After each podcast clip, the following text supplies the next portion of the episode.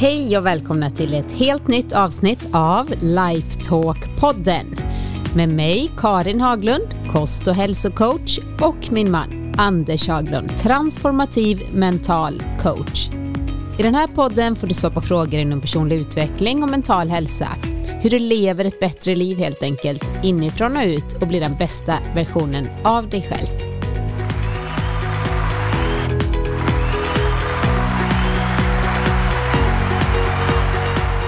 Hej Anders! Hej Karin! Då var det dags igen. Ja, nu sitter vi här. Avsnitt 77 av Lifetalk-podden. Mm. För mig som gammal proffsgolfare så tänker jag genast på hockeysticks. Okej. Okay. Om man hade skjutit en eh, ronda som var 77 slag så var man inte så nöjd med det.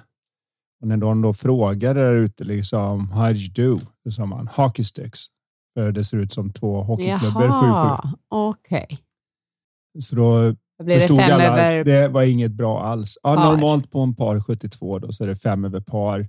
Gick det så illa att man sköt 80 för mig då som utbildade mig på universitet i USA och annat så sa man inte att man hade 80, då sa man att man hade Snowman and his fat friend. Ja. Ja, vilket inte var. Man vill inte ens säga ordet för det var så hemskt att man hade skjutit en så dålig score. Liksom.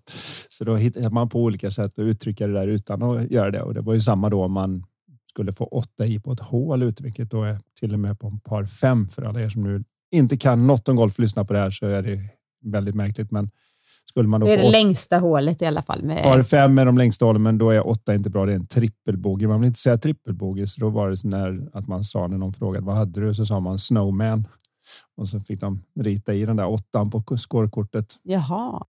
Det ser ut lite som en snögubbe om du gör Ja, två små ringar. Så därför så uttryckte man det så. Det är om det.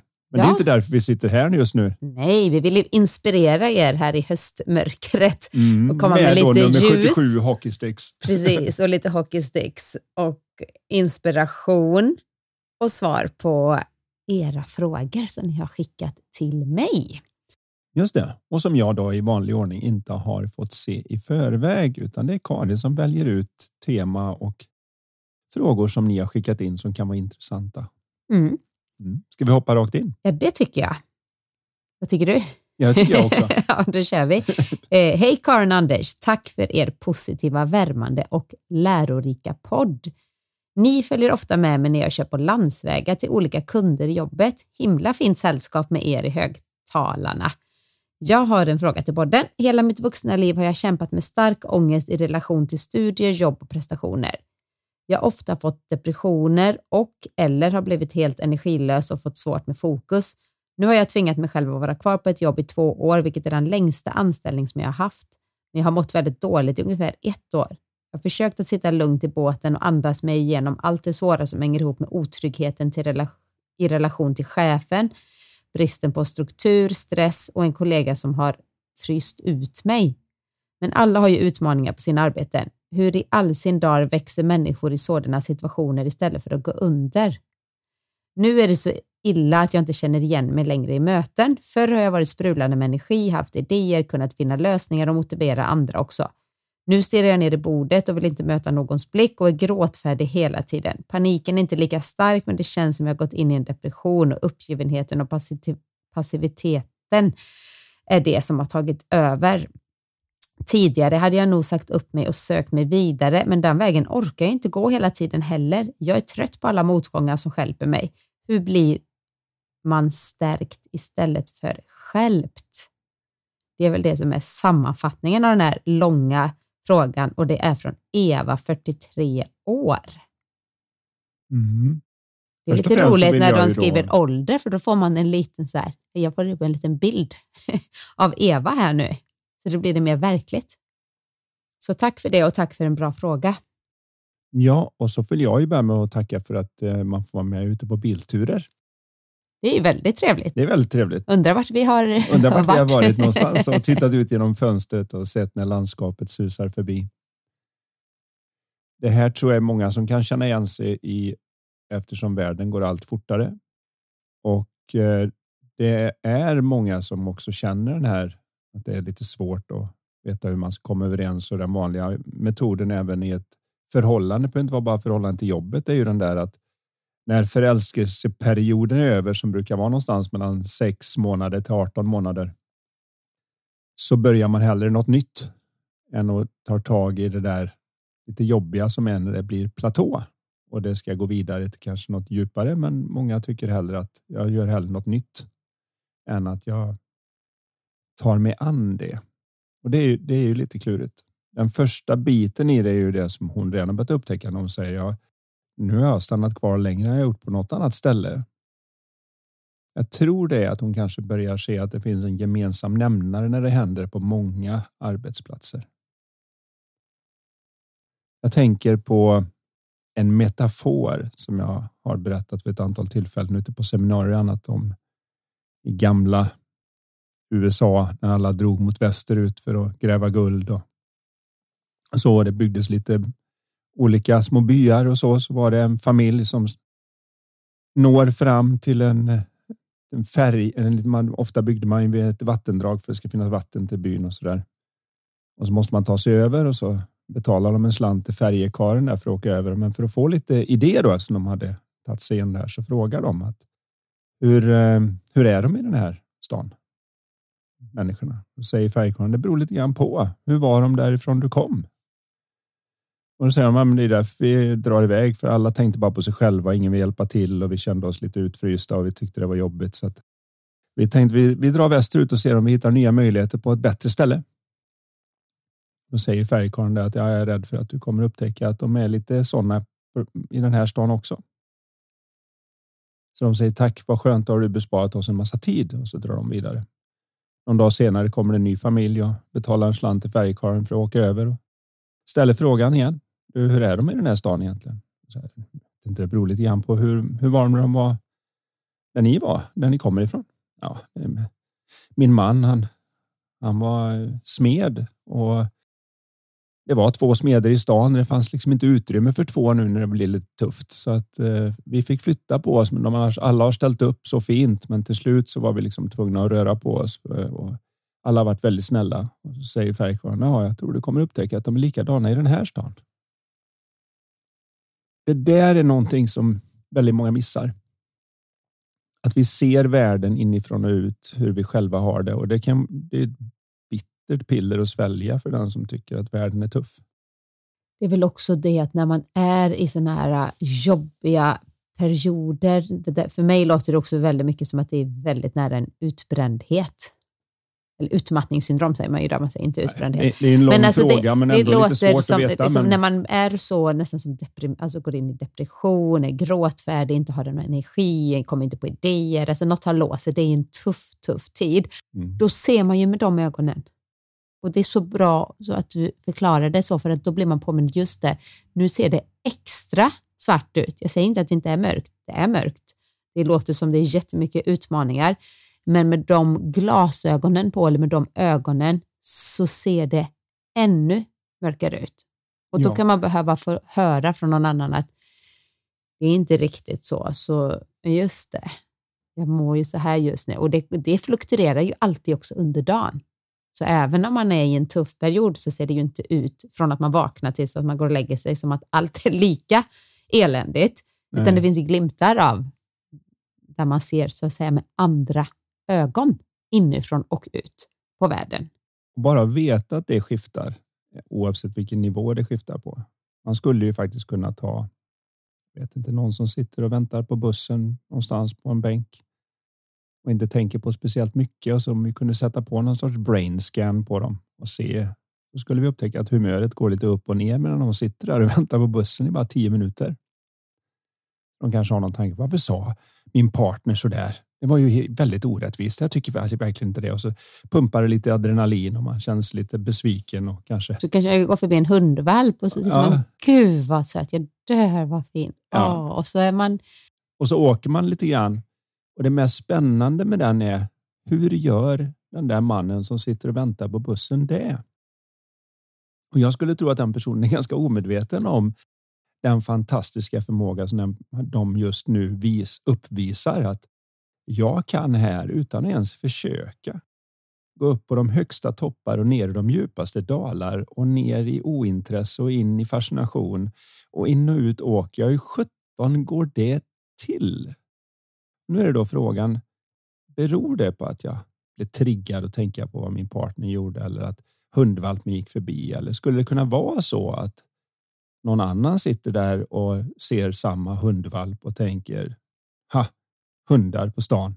De lämnar bara skit efter sig överallt och ingen plockar upp. Håller på åt helvete med världen. Medan andra sitter och säger det var den sötaste lilla hundvalpen. Så ofta så tror vi att det är hundvalpen och allt det där andra. Men den viktiga hela grejen är hur gör vi det här? Hur, mm. hur kan vi skapa så otroligt olika upplevelser av samma sak? Om vi sätter upp fyra personer på samma bänk så sitter de och åker oberoende av varandra så att säga. Och att vi gör det via den här fantastiska förmågan att tänka som vi har fått, som vi inte har så stor kontroll över, som poppar upp i våra sinnen hit och dit. Och det viktiga är egentligen inte att bli duktig på att styra och kontrollera det, utan det är att ha ett bättre förhållande till det. Så att när man hamnar i den här situationen börjar se att ja, oavsett hur låg jag är så har jag tillfällen där något i mig skiftar. Precis som vädret skiftar. Det svåra är att när jag då blir lite klarsynt och kanske ser att jag borde flytta på mig eller nej, det är klart det ska vara kvar. Jag behöver ta ett samtal med den där personen som har fryst ut med eller vad det nu än handlar om som vi har. Så är det lätt att känna att det kom så enkelt att det kan inte ligga något i det. Och när man sen går ner i en dal lite senare igen och tycker att det är jobbigt, de tankar som kommer då, de ger vi ovanligt stor kredibilitet för att det känns som att jag känner ju så starkt när jag tänker på dem så det måste ligga mer i dem än det där som kändes så enkelt. Så man liksom bortser från det där enkla fast det är dem man borde ha lyssnat på. Ibland brukar jag uttrycka det med metaforen att vårt intellekt är som ett storband som spelar så hög musik att det är jättesvårt att höra sin egen visdom som spelar flöjt i bakgrunden. Men det är den lilla rösten som viskar där inne som alla har tillgång till. Jag har i varje fall inte träffat någon som jag har fått chans att prata med i personlig coaching eller i pauser på seminarier och föreläsningar. Som och när man väl tar upp det här som inte känner igen att det är en liten viskande röst där som när man som inte vet lyssnade. rätt. Ja, som vet lite grann mer vad som vore det bästa att göra och som alltid efteråt viskar visste det. Jag visste det. Kunde inte ha lyssnat. Fast inte dömande, utan Nej, inte ändå dömande. bara sådär... äh, Inte sådär din Solklart idiot visste det, nej, utan nej. mera bara säger två plus två var fyra igen. Ja. Jag borde lyssnat. Det, det får man ju höra väldigt ofta. Jag borde lyssnat. Jag visste egentligen att det var fel timing eller Ja, att Ja, det- bla, den bla, personen bla. var inte rätt för mig eller att det där var en ulv någonstans visste jag det. Så ja. säger man ju ofta. Ja. Och det är just att lära sig att lyssna på den där lilla flöjten som spelar i bakgrunden, vilket är jättesvårt när man då befinner sig i den här situationen som Eva verkar vara i. Vi vet Mm. ju inte så mycket mer, även om frågan var någorlunda utförlig så vet vi inte så mycket om situationen från det egentligen. Mer än att hon också då, innan hon hamnade på det här jobbet som hon har varit i två år, hela sitt vuxna liv, har hon kämpat med stark ångest i relation till studiejobb och prestationer. Och, och, och där återigen då, eh, så är ju det här jobbet, låter ju som att det finns eh, brister här i med chefen och strukturen och allting. Men det grundläggande så att säga är ju Evas relation till sin egen tankevärld om det som Precis, och- och pågår. se- ångesten, depressionerna och det här. Så det är ju det, därför vi gör det vi gör, för vi ser ju den enskilda människan som den största resursen i, i en familj, i ett företag, i en värld. Att vi behöver må bra och vi behöver backa tillbaka och satsa på så att säga, oss själva. Oftast får man göra det parallellt med kanske man har ett jobb eller en familj och så vidare. Men den här personliga utvecklingen och bara det att man lyssnar på våran podd, då investerar man ju tid i sin egen personliga utveckling istället för att man hade kunnat lyssna på en underhållningspodd. Vilket inte heller behöver vara fel på något sätt. Man får skratta lite och vara sådär. Men nu får man lära sig någonting och det kanske triggar eller man kommer på någonting om sig själv som leder till en positiv förändring. Och det är det vi verkligen vill med den här podden och med allt vi gör. Ja, och det kluriga för nästan alla människor och jag tror att det är ganska svårt att höra för de flesta också är ju det att om man nu som i det här fallet har ett problem som kvarstår under en längre tidsperiod så är det så att det jag själv försöker för att lösa det här är det som håller problemet kvar. För om jag har den rätta lösningen. Det jag säger är att vad som borde hända är det som ska få till det. Ja, hade det stämt så det ska inte ta mer än tre, fyra, fem, sex månader så borde ett problem vara löst eller åtminstone radikalt bättre. Och om det då kvarstår så är det något man, och jag, jag säger det här med största medkänsla, det är någonting man oskyldigt har fått om bakfoten. Mm. Det är något man oskyldigt har missförstått om hur vi människor fungerar. Det är inte att Eva har missförstått hur Eva fungerar. Det är att vi inte har tittat tillräckligt mycket på att alla fungerar likadant. Och att vi åker med den här tankekvaliteten upp och ner och vi kan inte bestämma att nu ska jag ha högre tankekvalitet. Men jag har en möjlighet att se vad det är som pågår och inse att just nu är jag lite låg och då ser allting värre ut. Jag är i lustiga huset. Bara genom att höra lite bakom orden det jag säger nu så kan man åtminstone kanske få bort momsen på eländet. Och bara det gör att det lättar lite grann för om vi är på dåligt humör så kan vi åka till den bästa femstjärniga resorten och det enda vi klagar på är att vi får betala fem dollar för att de ska bära upp eh, väskorna på rummet och det hade jag kunnat göra själv och varför ska vi det ena och det tredje och det är inte alls så bra som jag betalar för. Och när vi är på ett väldigt bra humör, då kan vi sitta i stort sett hemma i vårt hus eller lägenhet och känna som vi har total kontakt med universum. Och ändå så har vi fått för oss att ja, men jag, jag behöver hitta den rätta platsen, det rätta jobbet, den rätta personen, den rätta och så missar vi att ja, det är inget fel på det. Det är klart att det, det, är trevligt att se om man kan hitta den här rätta platsen och rätta jobbet och allt det. Men jag hittar inte den förrän jag lär mig när jag själv är i balans så jag kan se det. För annars är jag liksom blind för det. Jag har irrglasögon på mig och jag kan inte se vad som är rätt just då. Det är därför det inte är någon större bra idé att gå ut på något uteställe dricka för mycket alkohol och välja vem man ska vara ihop med. Jag kanske inte ser riktigt lika klart efter två gin och tonic och en sex on the beach och två öl riktigt att det här är nog rätt person. Istället för att kanske då vara lite mentalt klar och gå på, om man nu gillar att dansa, gå på en danskurs eller någonting och där medan man gör något man tycker är roligt upptäcka att det pirrar till lite när man är med en viss person eller så där. När man får chans att se lite klarare och mm. att det beslutet då, jag säger inte att det pirrar till när man är på, på uteplatsen, men det är det att det är som att man har tagit på sig någonting som gör att ens egna visdom och ens inre GPS inte funkar riktigt. Och med det menar du alkoholen? Alkoholen gör oss i det fallet, ja. väldigt blinda eller får en väldigt suddig syn för ja. riktiga verkligheten. Ja, och jag vill påstå att vi är åtminstone lika distraherade när vi går in i våra egna osäkra, irriterade, nedslagna tankar. Och att vi även då får väldigt svårt att se något. Vi tror att vi ser världen omkring oss, men vi ser det som vi har i oss. Jag tänkte på den här. Jag, jag blev lite rörd när jag såg en video eh, som blev, bara dyker upp i flödet för en. Eh, och det var en man där som hade suttit på en fotbollsmatch och skrivit till sin fru så här. Jag vill bara tala om att du är den finaste jag vet. Jag älskar dig så mycket. Och så var det några andra ord som han la till där som var så här som man tänkte fint sagt. Och sen så byter han och så tar han och kör copy paste på den och så byter han till en annan tjej och så skickar han den. Nu sitter en kvinna jämte som inte borde titta på hans telefon. Och säger det var det värsta jag varit med om. Jag har min telefon här, jag ska filma dig. Det där är inte där, det där. Och han säger lugn nu liksom. Mitt liv, mina grejer. Hon bara, nej, jag ska anmäla dig ungefär. Du är ett typiskt manschauvinistiskt svin. Och han tittar lugnt på henne och säger, jag lovar att jag aldrig mer ska kopiera och skicka samma till min dotter. Och det är så lätt att hon sitter ju där och är helt hundra på att hon har rätt om att han nu håller igång ett antal olika tjejer som älskarinnor eller något annat och tycker då att han är ett litet svin som skickar detta och har inte tid att ta reda på vad sanningen är bakom.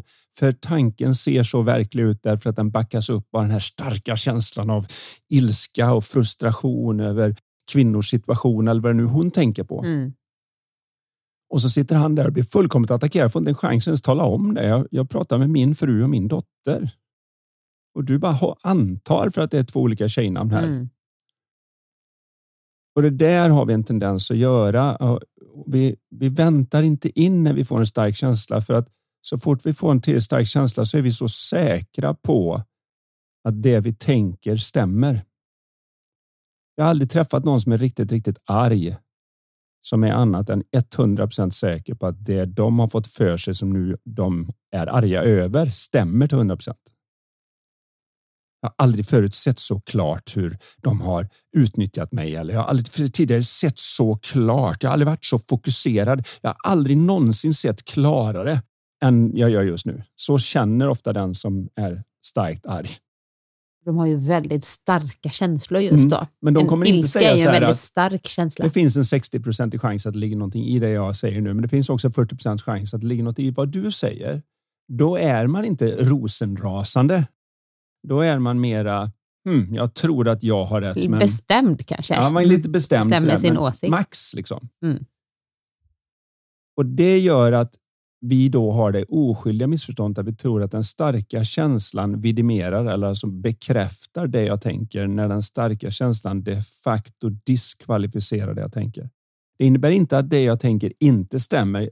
Jag säger bara att medan jag är så upprörd så kan jag inte se klart nog för att ens ha perspektivet att det kanske är så att jag har fel om Eller att det är två tjejer du mässar ens. Just nu, precis. Så att man inte tar beslut i de där starkt fyllda känslostunderna när man är... Det är som mormor någon skulle säga, du vet, med att man ska inte ta beslut i affekt. Det är lätt att säga, men förståelsen för vad det är som pågår gör det i varje fall lite enklare mm. att kanske komma lite mer från hjärtat och inte fastna i intellektet och bli lurad av känslan. När vi ska ta oss igenom de här sakerna så är det en som man behöver liksom klargöra situationen först och främst. Och jag är ju väldigt mycket för det. Säg, säg som det är. Så jag vet jag coachar bland annat en säljchef som kände att jag vet inte, jag hinner inte med. Jag är, jag är bakom åttan hela tiden. Jag hinner ju inte. Jag, jag har en lista med jag ska göra, men jag hinner ju inte. Jag, Vad menas med bakom åttan? Ja, det är biljardterm för den Jaha. som inte förstår. Då. Det var det mycket här. Ja, nu är det mycket konstiga termer här. Men om man lyckas så. lägga in Egon, som den vita lilla kulan heter, bakom åttan när man Jaha. spelar eh, just den typen av biljardspel då, så är det väldigt svårt för man får nämligen träffa åttan innan man har fått ner alla de andra. Så då är man liksom mm. lite körd. Så ibland brukar man till och med säga så här att är du född i fel del av världen så du kan vara hur smart du vill. Jag menar, är du född till några som har det riktigt jobbigt i Bangladesh så kan du vara nästan hur smart du vill och jobba hur hårt du vill. Du har ingen hävstång. Ja. Du, har ingen, det finns, du är född på fel ställe. Du har, Kanske får du inte ens gå i skolan. Nej, får ingen chans att veta din talang. Eller så. Hur otroligt. Du får aldrig göra ett IQ-test hela ditt liv, så du vet inte att du är, har bättre IQ än Einstein. Nej, förmodligen så kommer alla de andra, när du kommer i dina stora drömmar om hur du kunde utöka vad det nu än är hemma i byn, så kommer de ju bara säga skärp dig och gå och hämta vatten. Vi får liksom inte den här riktiga chansen för vi inte är utbildade på rätt sätt. Och när det gäller det här så är det väldigt få som är utbildade i att förstå att våra känslor inte talar om någonting om vad som händer på utsidan. De talar om vad som händer uppe mellan våra öron. Och när du har en obekväm känsla, en stark känsla, så diskvalificerar den tankeprocessen. Den säger inte att den är extra sann som de flesta tror. Nej. Och det är en 180 graders sväng att se den. Så, men oavsett, så den här säljchefen nu då som jag coachade som inte hann med någonting och då ansåg sig vara bakom åttan. När jag förklarade för honom att men gör så här, kan du skriva ner allt det du har? Jag kommer inte ihåg vad han hade. Bara den veckan så hade han 19 grejer eller någonting. Och jag frågade hur många av de här har du möjlighet att hinna med? Han sa av de 19 kanske jag kan hinna med fem på veckan. Det är inte så när då ring en kund, det är inte en sak, utan eh, göra framsteg på att förändras. eh, CRM-systemet eller göra någonting med någon, något annat, vad han nu hade skrivit som han tyckte var de stora sakerna som behövde göras för att det skulle bli något, någonting annorlunda. Men det fanns inga möjligheter att hinna med. Och så sa jag, nu har du dem nedskrivna. Vilken av de här, om du bara kan göra en, är viktigast då? Vad är den här? Vilken är nummer två? Om, det, om du inte kan göra den, vilken tycker du då? Det här är nummer två. Och så tog vi nummer tre och sa det. Problemet för alla människor är att hjärnan räknar en, två, tre, många. Så, så fort vi kommer förbi tre så har hjärnan svårt. Det är, inte, det är så för alla människor. Man behöver träna för att komma förbi den. Du delar upp allt du ska komma ihåg i max tre och tre verkar vara en siffra för treenigheten, tre önskningar, tre fer. Överallt är siffran tre. Det kanske är därför det är svårare att komma ihåg mobilnummer. I och för sig, de är ju längre, men jag tänker de här vanliga numren. När man ringde i samma riktnummer, för Jaha. vi är då som är generation lite äldre. Eh, jag men då sa du hade... alltid de andra på tre. Ja, 12, 11, 29 hade vi. Jag kunde mm. hur många nummer som helst. För 033, alltså riktnumret, behövde ja, man ju sällan. Det behövde man inte slå om man ringde till kompisar och sådär. Ja, och jag kommer fortfarande ihåg att eh, hemnumret innan vi avslutade där, för man bara har mobil, var ju 10 21 31. Så säger man ju det. 10, mm. 21, 31, tre delar. Och om man ska komma ihåg ett mobilnummer så får man liksom bara komma ihåg, ett tag var ju nästan alla 0705, eller det var väldigt många som var det. Så, får ja. man tänka, eller så, så gör jag i alla fall, jag tänker det. 0705. För, för mig som är gammal nog så tänker jag inte ens 0705. Du, du, du. Jag är ju ytterligare lite generation och var kanske inne i det då, så jag tänker inte ens 0705, jag tänker Telia. Det var alla Jaha, som hade Telia okay, hade 0705. Sen kom mm. 0706 och så var det ett annat bolag och så vidare. Ja, så, ja, okay. så kan man komma ihåg att aha, Telia och sen sa man 75, 08, 29, tre stycken. Telia okay. plus det. Okay, men det, det du vill komma till är tre saker, att vi är så lätt att vi får den här listan, men man ska fokusera på de tre viktigaste. Som max. Ja. Som max. Går du över tre så gör du dig själv en otjänst eftersom alla åtta miljarder människor på planeten funkar likadant i hur vi bussar eh, minnen och så mellan korttidsminne och långtidsminne och allt det. Vi kan gå in och vara väldigt tekniska där, men bara kom ihåg det att om du inte kan säga det i tre punkter i e-mailet så är det risk att den som tar emot det tittar på det och säger en, två, tre, många. Mm. Då är det bättre att skicka ett nytt mejl dagen efter eller på eftermiddagen. Och kolla av de där första tre att de är gjorda och sen komma med tre till istället för att läsa på de elva punkterna som måste vara gjorda. Så i alla fall. Så då bad jag honom rangordna det och så sa jag gå till din vd och så säger du det. Här är de 19 jag ser att jag ska hålla på med. Här är de tre jag har valt ut som jag kan hinna med ordentligt och göra riktigt bra framsteg på. Tycker du att de 19 stämmer? Tycker du att de tre stämmer? Och då sa han det. Nummer två tycker inte jag är så viktig. Ta den där du har som nummer sju där borta på 19 listan och stoppa in den där istället därifrån jag ser. Och, och så sa han nu när jag vet att de här tre är de viktigaste, är du fine med att jag släpper de andra 16? Ja visst, för de här tre är de vi ska hålla fokus på. Och kanske kan man också där bli bättre på att delegera till andra underchefer. Om man eller? har möjlighet till det. Men just den här också att man går till sin chef då, som hon pratade om att man har någon chef där.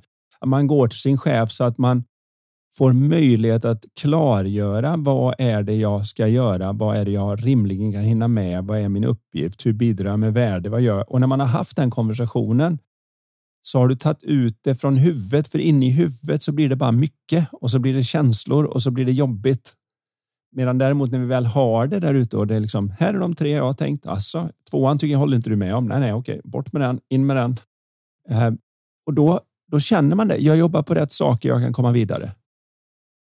Jag tycker det är väldigt starkt också av Eva att hon dels har skickat in den här frågan, men sen också eh, reflekterat över det tidigare. Hade hon antagligen sagt upp sig och sökt sig vidare och återigen, det blir en form av flykt, att man tröttnar, man, man börjar om, man testar nytt. Och att hon lite ser det mönstret, att det är ingen idé. Alltså, och så hon ransakar ju sig ganska tydligt med den här frågan. Men det kan också vara så. Jag skulle ju råda Eva att gå och prata med någon, för har man en depression, inte bara deprimerande tankar, utan precis någon utmattning som ligger nära och så vidare. Så det kan vara väldigt klokt att dra i handbromsen så tidigt det bara går. Kanske behöver vara sjukskriven i några veckor för att landa eller bara gå och prata med någon. Och ofta, många företag har ju som man kan om man tar upp detta. via företaget, kanske de har företagshälsovård och så vidare. Annars får man söka sig på eget bevåg. jag tror att det kan på ett sätt vara bra därför att hon beskriver ju här också att även om hon nu rannsakar sig så är ju skälet att hon stannar kvar inte att hon tänker att ha, det blir inte bättre på något annat ställe så nu får jag jobba på mig och se om jag får ordning på det utan mera verkar ju den vara att hon inte känner sig så hoppfull och tycker att orkar inte ens. Orkar inte ens. Jag Nej. vill inte göra det här en gång till, vilket innebär att man så att säga vill inte bli besviken en gång till, vilket är lite vanligt. Så att hoppet är lite borta. Och då, då gäller det att se om man kan hitta någon form av hoppfull känsla genom att åtminstone tänka på saker som om jag tar bort alla problem jag står inför. Om jag bara, bara gör en sån etcha-sketch som man hade när man ritade något, så kunde man bara ta bort den. Hur skulle jag då vilja ha det på jobbet? Vilken typ av människa vill jag jobba med? Vilken typ av uppgift skulle faktiskt vara rolig för mig? Var känner jag att om du ställer mig där och jag bara är jag så blir det bra? För min del så får jag inte göra till mycket av det jag känner att jag kan göra det just nu för att jag tycker att det blir så när jag föreläser. Jag hoppas att de som har lyssnat på mig när jag föreläser håller med. Men det är inte alla som tycker att det är helt trevligt att bli droppad på en scen. Men du skulle kunna väcka mig mitt i natten, hämta mig med helikopter och så droppa in mig på en scen med tusen åskådare så skulle du behöva ge mig en fem minuters brief på vilka de var och vad jag ska göra. Så jag gått ut och tyckte att det var roligt. Mm. Okay? Många skulle tycka att det var den bästa mardrömmen någonsin. Det är vad du ligger och önskar när du går och lägger dig. Bara hoppas att jag... Ja, hoppas att någon ringer så jag får föreläsa för tusen pers här igen. Som man gjorde innan eh, pandemin när man hade några stycken bokningar med över 500 personer och var de första som flög. Liksom. Ja. Hade två i Danmark som bara tjup, eh, Men Jag kommer ihåg när vi var i, men gud, var det Holland? Amsterdam? Mm. Ja, det var i När eh, du föreläste för 5 000? Ja, jag tror det var 3 500. Ja, var det 3 000? Okay. Jag försökte hålla reda på det eftersom det är faktiskt den största. Ja, det, det var min största mycket publik. folk. det var mycket folk var det. Men det, där trivs jag. Där känner jag att det, skulle, det är drömmen för mig. Liksom. Så alla ni nu som lyssnar och tänker, men nu blir jag nyfiken. Jag vill att Anders ska få komma ut och föreläsa mer. Ni eh, pratar med er chef om ni själva inte är chefer och ha, kan ta detta beslutet. Eller er idrottsförening eller ert, eh, eh er kommun. Så jag väldigt glad att jag får ut och göra mer av det som är precis det jag känner att jag är hemma. Jag tycker väldigt mycket om att sitta och personligen coacha en och en. Men får jag välja mellan de två så droppa mig på scenen. Och man kan ju säga att sitta och göra det andra som inte har med föreläsning och coaching är ju inte riktigt inte din favoritsysselsättning. Att sitta vid datorn och göra administrativa saker och sköta papper och skatter och det, det, där, där, där tappar jag ju energin då ganska snabbt jag mm. med. Hur mycket jag än kan om det mentala. Så att jag kan naturligtvis använda min kunskap för att komma igång där, men det är inte naturlig dragning.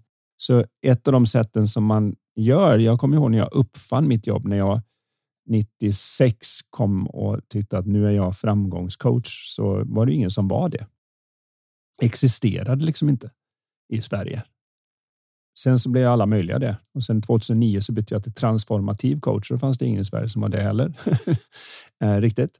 Och, nu så det kommer det ikapp lite grann, men jag uppfann det just genom att fundera på hur vill jag jobba? Vad vill jag göra? Och vad är det egentligen som är din expertis och vad är det du gör? Jo, men du transformerar människors ja, upplevelse. Det var så det, var så det kom, kom till. Så Eva, jag vet att det kan vara svårt när man är i den där sitsen, men tänk dig att du får önska lite av Aladdins ande eller vad som passar dig som tankemetafor och fundera lite grann på hur skulle jag verkligen vilja ha det? Hur skulle jag vilja må? Hur skulle jag vilja se livet ser ut? För när man är nere så har man en tendens att titta ut från sitt mörker och bara säga vad man inte vill ha. Oj, sån elände det är i världen nu.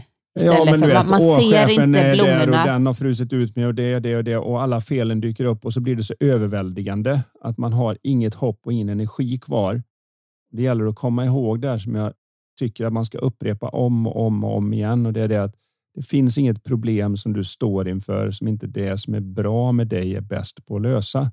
Så du måste hitta in i din styrka innan du kan ta dig ur. Man måste liksom få någonting att sätta fötterna i och är man på botten får man trösta sig med att på botten finns det någonstans att sätta fötterna och trycka sig uppåt. Men då måste jag också veta vad, vad är uppåt? Vad, vad är det jag är ute efter? Mm.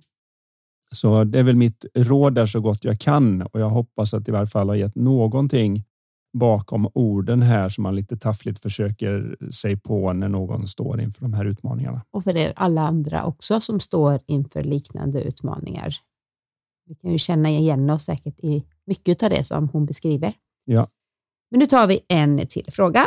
Eh, Hej, har ni använt mental träning själva i hela ert hälsokoncept? Till exempel att bygga styrka till att lägga om kosten, kanske även att kunna motstå något.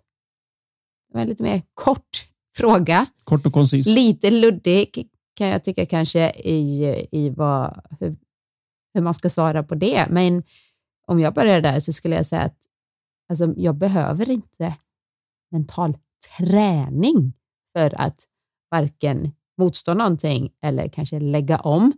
Jag brukar trycka ganska hårt på det när jag är ute och föreläser och har mina kurser, att inspiration, lust och drivkraft, att det är någonting man vill. Alltså först behöver man en vision av att men jag vill det här eller man får reda på något. Är det så det ligger till? Aha! Och då blir det så tydligt och att man vill det.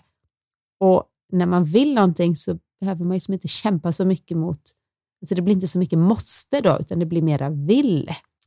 Men självklart att, att samtidigt har man jobbat på sin egen personliga utveckling också så här, sin mentala styrka så hjälper det ju en i allt i livet. I precis allt. Det är precis som när jag jobbar med idrottare eller vad det nu än är.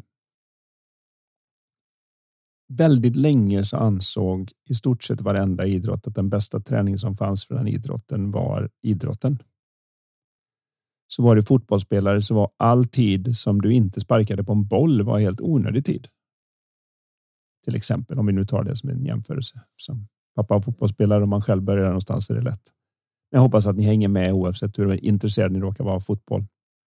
Så plötsligt någonstans, och det här är ganska sent, vi pratar slutet 50-tal, början 60-tal så var det några som plötsligt kom på att om man går ut och springer mellan träningarna så får man bättre kondition och då orkar man hela vägen istället för att det bara är två trötta lag. Och om det andra har är trött men vi har varit ute och konditionstränat så slår vi dem på slutet när de inte orkar springa efter bollen. Och de lag som gjorde det fick nästan en överlägsen fördel av att de plötsligt orkade springa en kvart till jämfört med det andra laget. Nästa steg var ju styrketräning, att lyfta skivstänger och hantlar och grejer ger dig samma försteg i vilken idrott det än är. Om det så och är nästan dessutom ska minska skaderisken och när man ser på ett helt lag som mm. får mycket färre skador, då ja. kan man verkligen springa om sina motståndare. Och du kan hoppa högre och du har mera reserver och allt vad det nu kan vara. Så, men det var dolt att det kunde vara en fördel, för man ansåg, som för mig som till exempel då som började med golf, jag kommer ihåg när jag började så tyckte ju alla att man var jättekonstig för man skulle förlora sina golfmuskler om man låg där och gjorde bänkpress och knäböj och annat. Det var inte sånt som man ska göra om man spelar golf. Och det var egentligen inte förrän Tiger Woods kom och gjorde det och blev mer en idrottare som alla de här lite kulmagade ölmagarna från golftouren bara försvann. Det mm. finns några väldigt få kvar, men i övrigt så klarar man sig inte om man inte är ute och springer och tränar, för nu gör alla det. För man såg att det var den hemliga ingrediensen. Det som fortfarande i många läger inte riktigt är helt sett är just den där mentala faktorn. Hur mycket hävstång det finns. Och det som skiljer är att när man börjar komma på det. Jag började ju redan 78 med mental träning med Lars-Erik Unestål och sen så var det Wille Då var jag bebis. Då var jag född 1978. Ja, då var du bebis. Då hade det varit väldigt konstigt om vi var ihop. ja, Då var jag 13-14 år. Men då var ju det ett stort steg, men då hade man hela tiden idén att det är någonting med dig som inte riktigt funkar, så du behöver lära dig att lägga till positivt tänkande. Du behöver lära dig lägga till muskulär avslappning. Du behöver lära dig lägga till de här sakerna. Det som har skiftat nu i takt med att man förstår lite bättre är ju det att nu är det mer att vi ska skala bort så du inte är i vägen för dig själv. Och det som är i vägen för oss själva är att vi då övertänker. Lite som om någon någon gång har sett eh, Fångarna på fortet och så finns det en del där man ska stoppa ner händerna i olika äckliga saker och leta upp någon ledtråd eller nyckel eller någonting. Och man kan se hur en del människor, inte alla, en del bara stoppar ner och gräver omkring och tar fram den och en del stålsätter sig. Men en del hinner inte ens ner så att de, de är halvvägs ner genom hålet så gör de och så säger jag kan inte, jag kan inte, jag kan inte.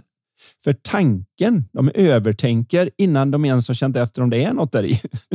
så går det inte. Och det är vad som händer när jag så att säga tar mig ur min zon. Jag behöver inte ta mig in i zonen som många tror. Där bor jag. Men när jag börjar övertänka och tänker jag måste tänka så här, jag måste göra så här och om jag inte gör det, om jag inte är så, om jag inte är i det rätta stället så kommer det aldrig gå. Istället för att bara lägga själ och hjärta bakom uppgiften och göra så gott jag kan.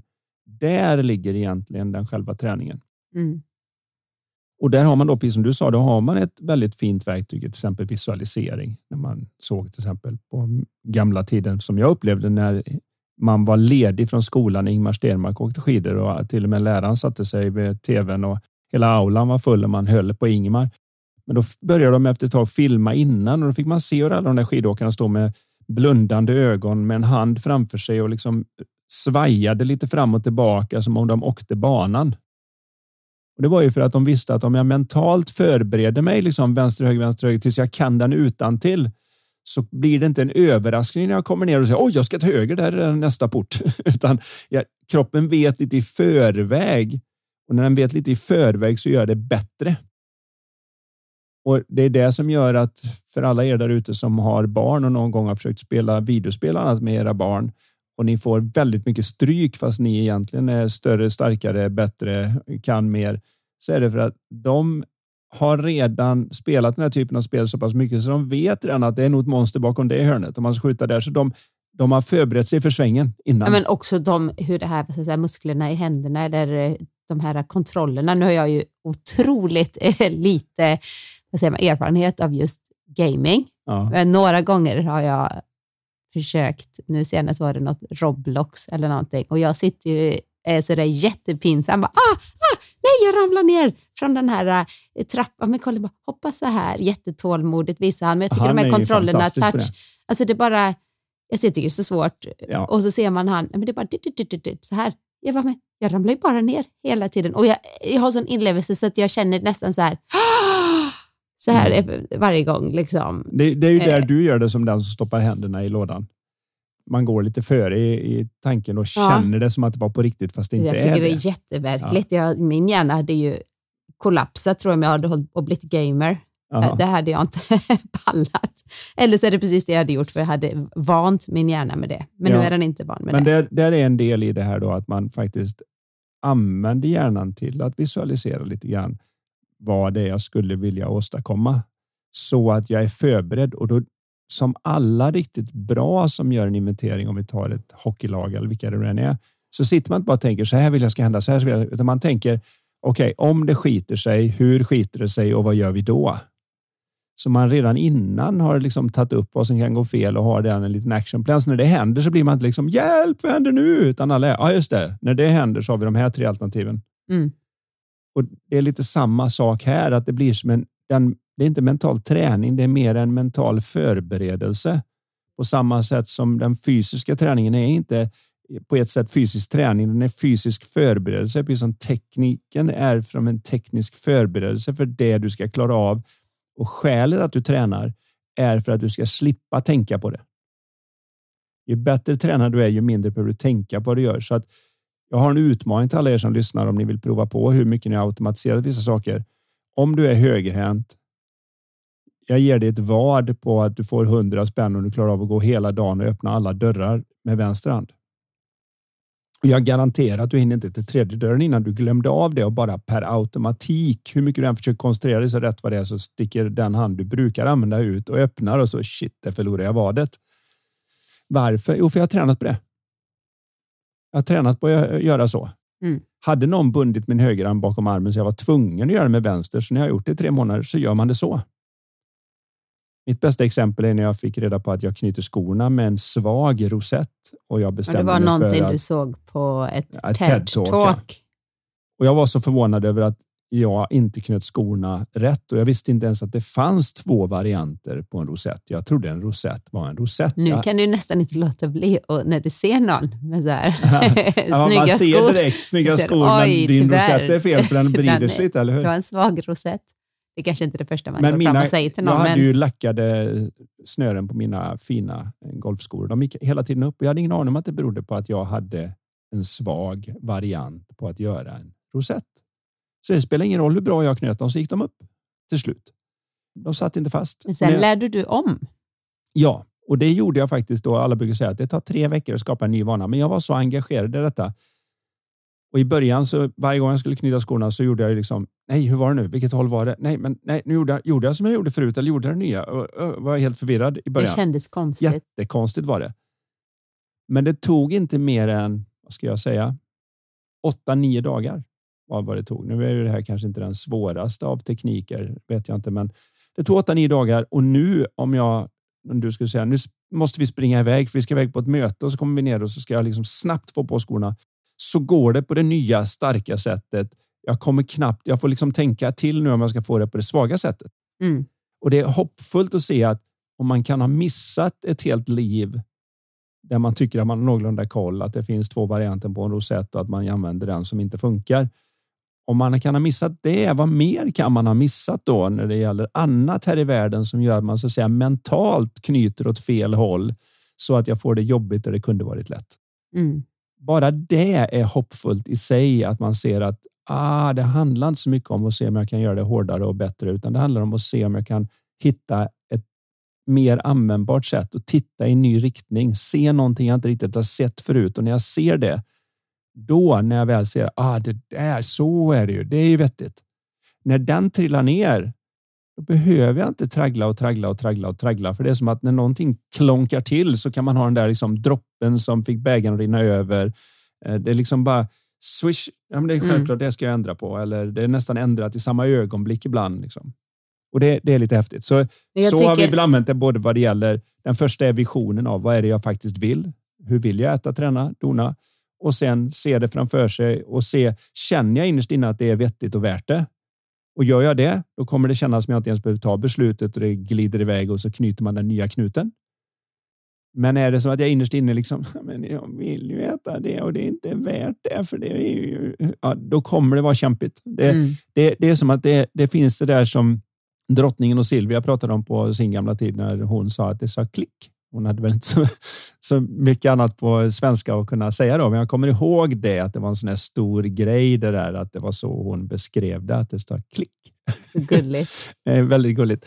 Och det är lite samma för oss människor när det gäller andra saker, när vi plötsligt från ena stunden till den andra så det kanske ut för andra som att man använder disciplin, att man tankens kraft för att motstå någonting till exempel. Ja. Men det är bara eh, självklart. Alltså det krävs ingen det går inte åt någon energi ens ja, det, på det. Det är ett litet klick ett och litet därefter klick. är det inte jobbigt om de så ställer upp alla dina favoritgodis på vägen ut i kassan och du kommer dit hungrig så är det fortfarande svårt att låta bli att stoppa i den. För det är mer som varför. Det är mycket bättre att den står mm. kvar där än inne i min kropp.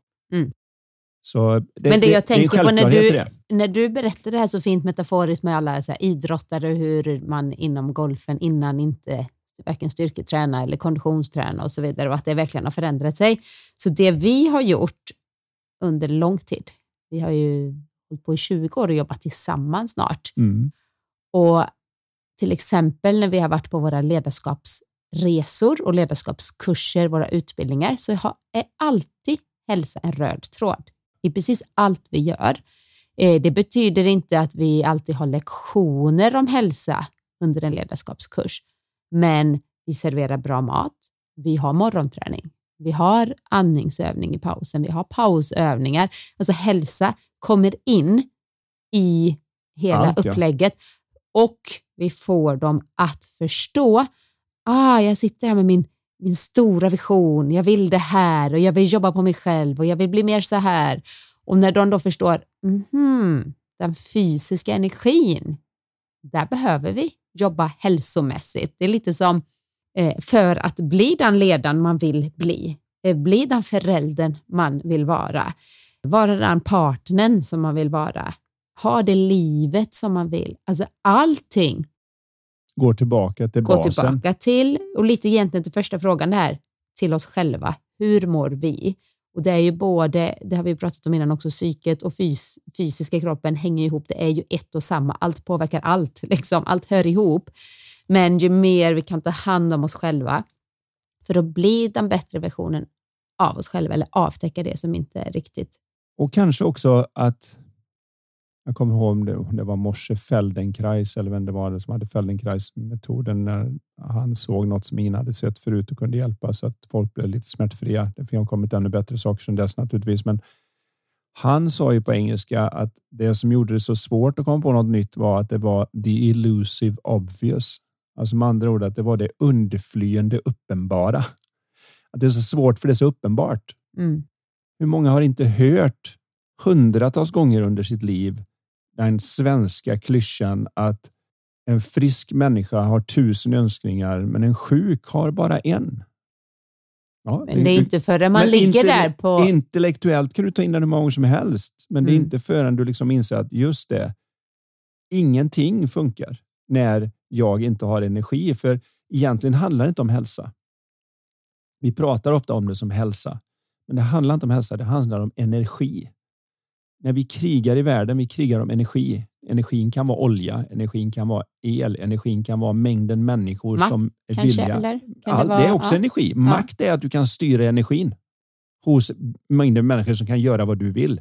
Allt går tillbaka i universum på att energi varken kan skapas eller förstöras. Och den kan bara omformas i olika riktningar. Det är ju för mig som ingenjör en sån fundamental grej.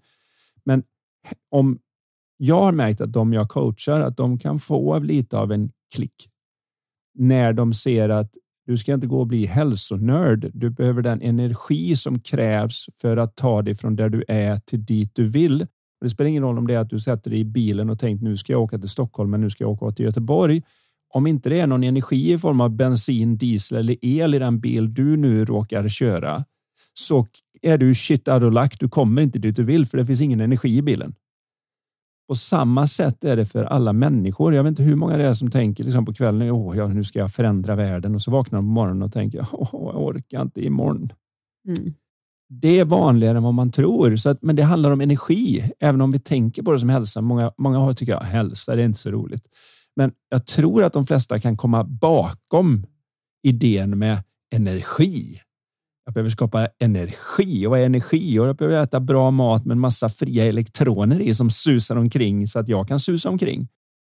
Det är Andas på ett optimalt sätt och komma ut och röra Sova sig. så att jag vaknar och känner att jag är energisk och vill sätta igång. Och där, är, där är ju ett problem. Så det, det är därför det är det som är så roligt att vi jobbar ihop också, att vi jobbar både med det mentala och hälsa. Så många du coachar, det brukar ju alltid efter ett tag komma in lite på hälsa också beroende på hur, vilken situation de är. Men ganska mm. enkla grejer. Du kanske tipsar dem om jag jobbar det här och de, det gör sån skillnad.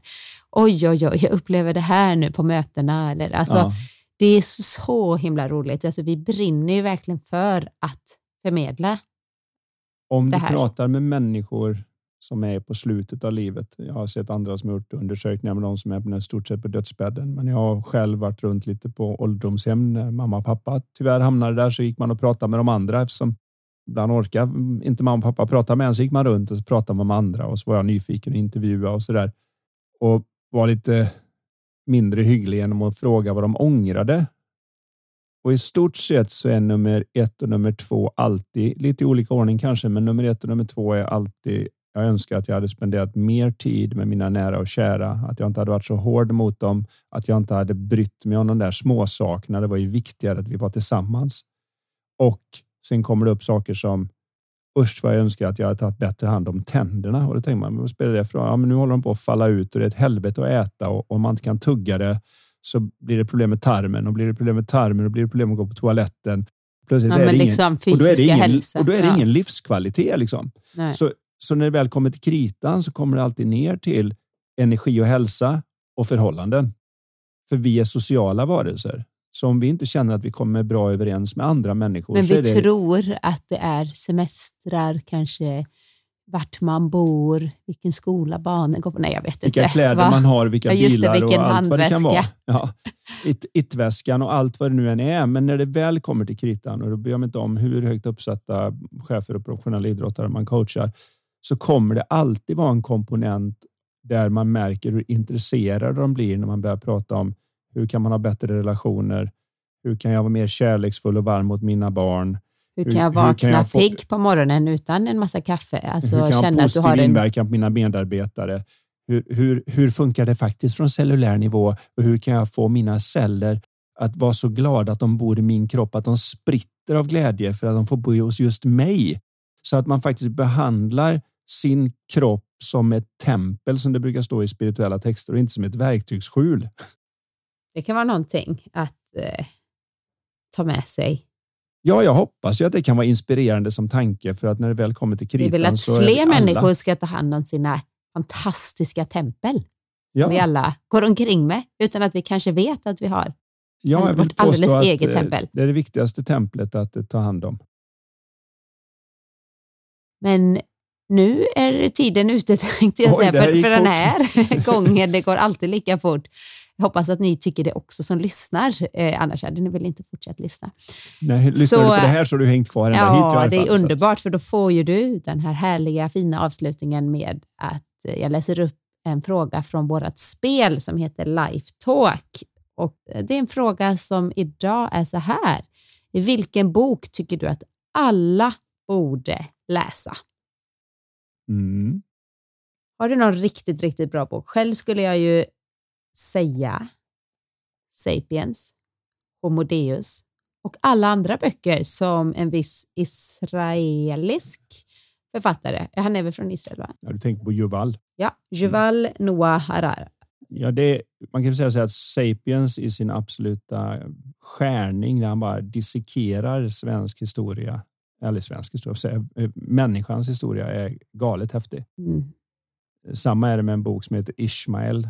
Eh, men för mig, eftersom jag nu ändå sa det här med hälsa och relationer, där jag tror att de flesta tänker relationer som ett, men inte inser att kanske hälsan är nummer ett för att det är svårt att ha bra relationer när jag inte orkar. Men relationshandboken av Dr. George Pransky tycker jag är en allmänutbildning som alla borde läsa. Mm. För den hjälper dig just Finns med den det. fortfarande på svenska tror Men annars ja. så heter den The Relationship, The Relationship Handbook. Handbook av Dr. George Pransky. Du fick ni lite bra boktips att bra eh, boktips ha inför oss. vintern här nu som nalkas snart och det, är julen. min, det är min bok som jag tycker att den borde alla läsa. Om jag nu ska säga. Så får, får ni gärna skicka in era ja. idéer och tankar på nej, det håller jag inte med om. Jag har läst den här boken och den borde verkligen alla läsa. Det vore det jättekul om ni kommenterar det under, eh, antingen skickar DMs eller skicka under våra eh, sociala medier. Så kommentera. Karins gröna värld heter jag och du heter Anders Haglund. Anders Haglund. Du heter som du heter helt ja, enkelt. Ett Anders Haglund bara. Ja. Och det får ni väldigt gärna göra. Och så, hörs, så vi igen, igen om två veckor. Yay! Hej då!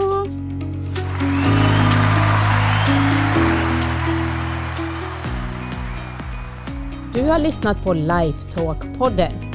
Vi vore så tacksamma om du vill lämna ett betyg och eller recension i iTunes. Dina frågor de kan du skicka till oss på lifetalkpodden.se. Spelet Lifetalk finns också att beställa där. Vill du komma i kontakt med oss rörande samarbeten, coaching, föreläsningar och event? Då kan du mejla till karin lifevision.se. Tusen tack för att du har lyssnat! Och du, gillar du podden? Dela den gärna vidare och tipsa om den i sociala medier. Låt oss tillsammans göra världen lite mer mentalt välmående.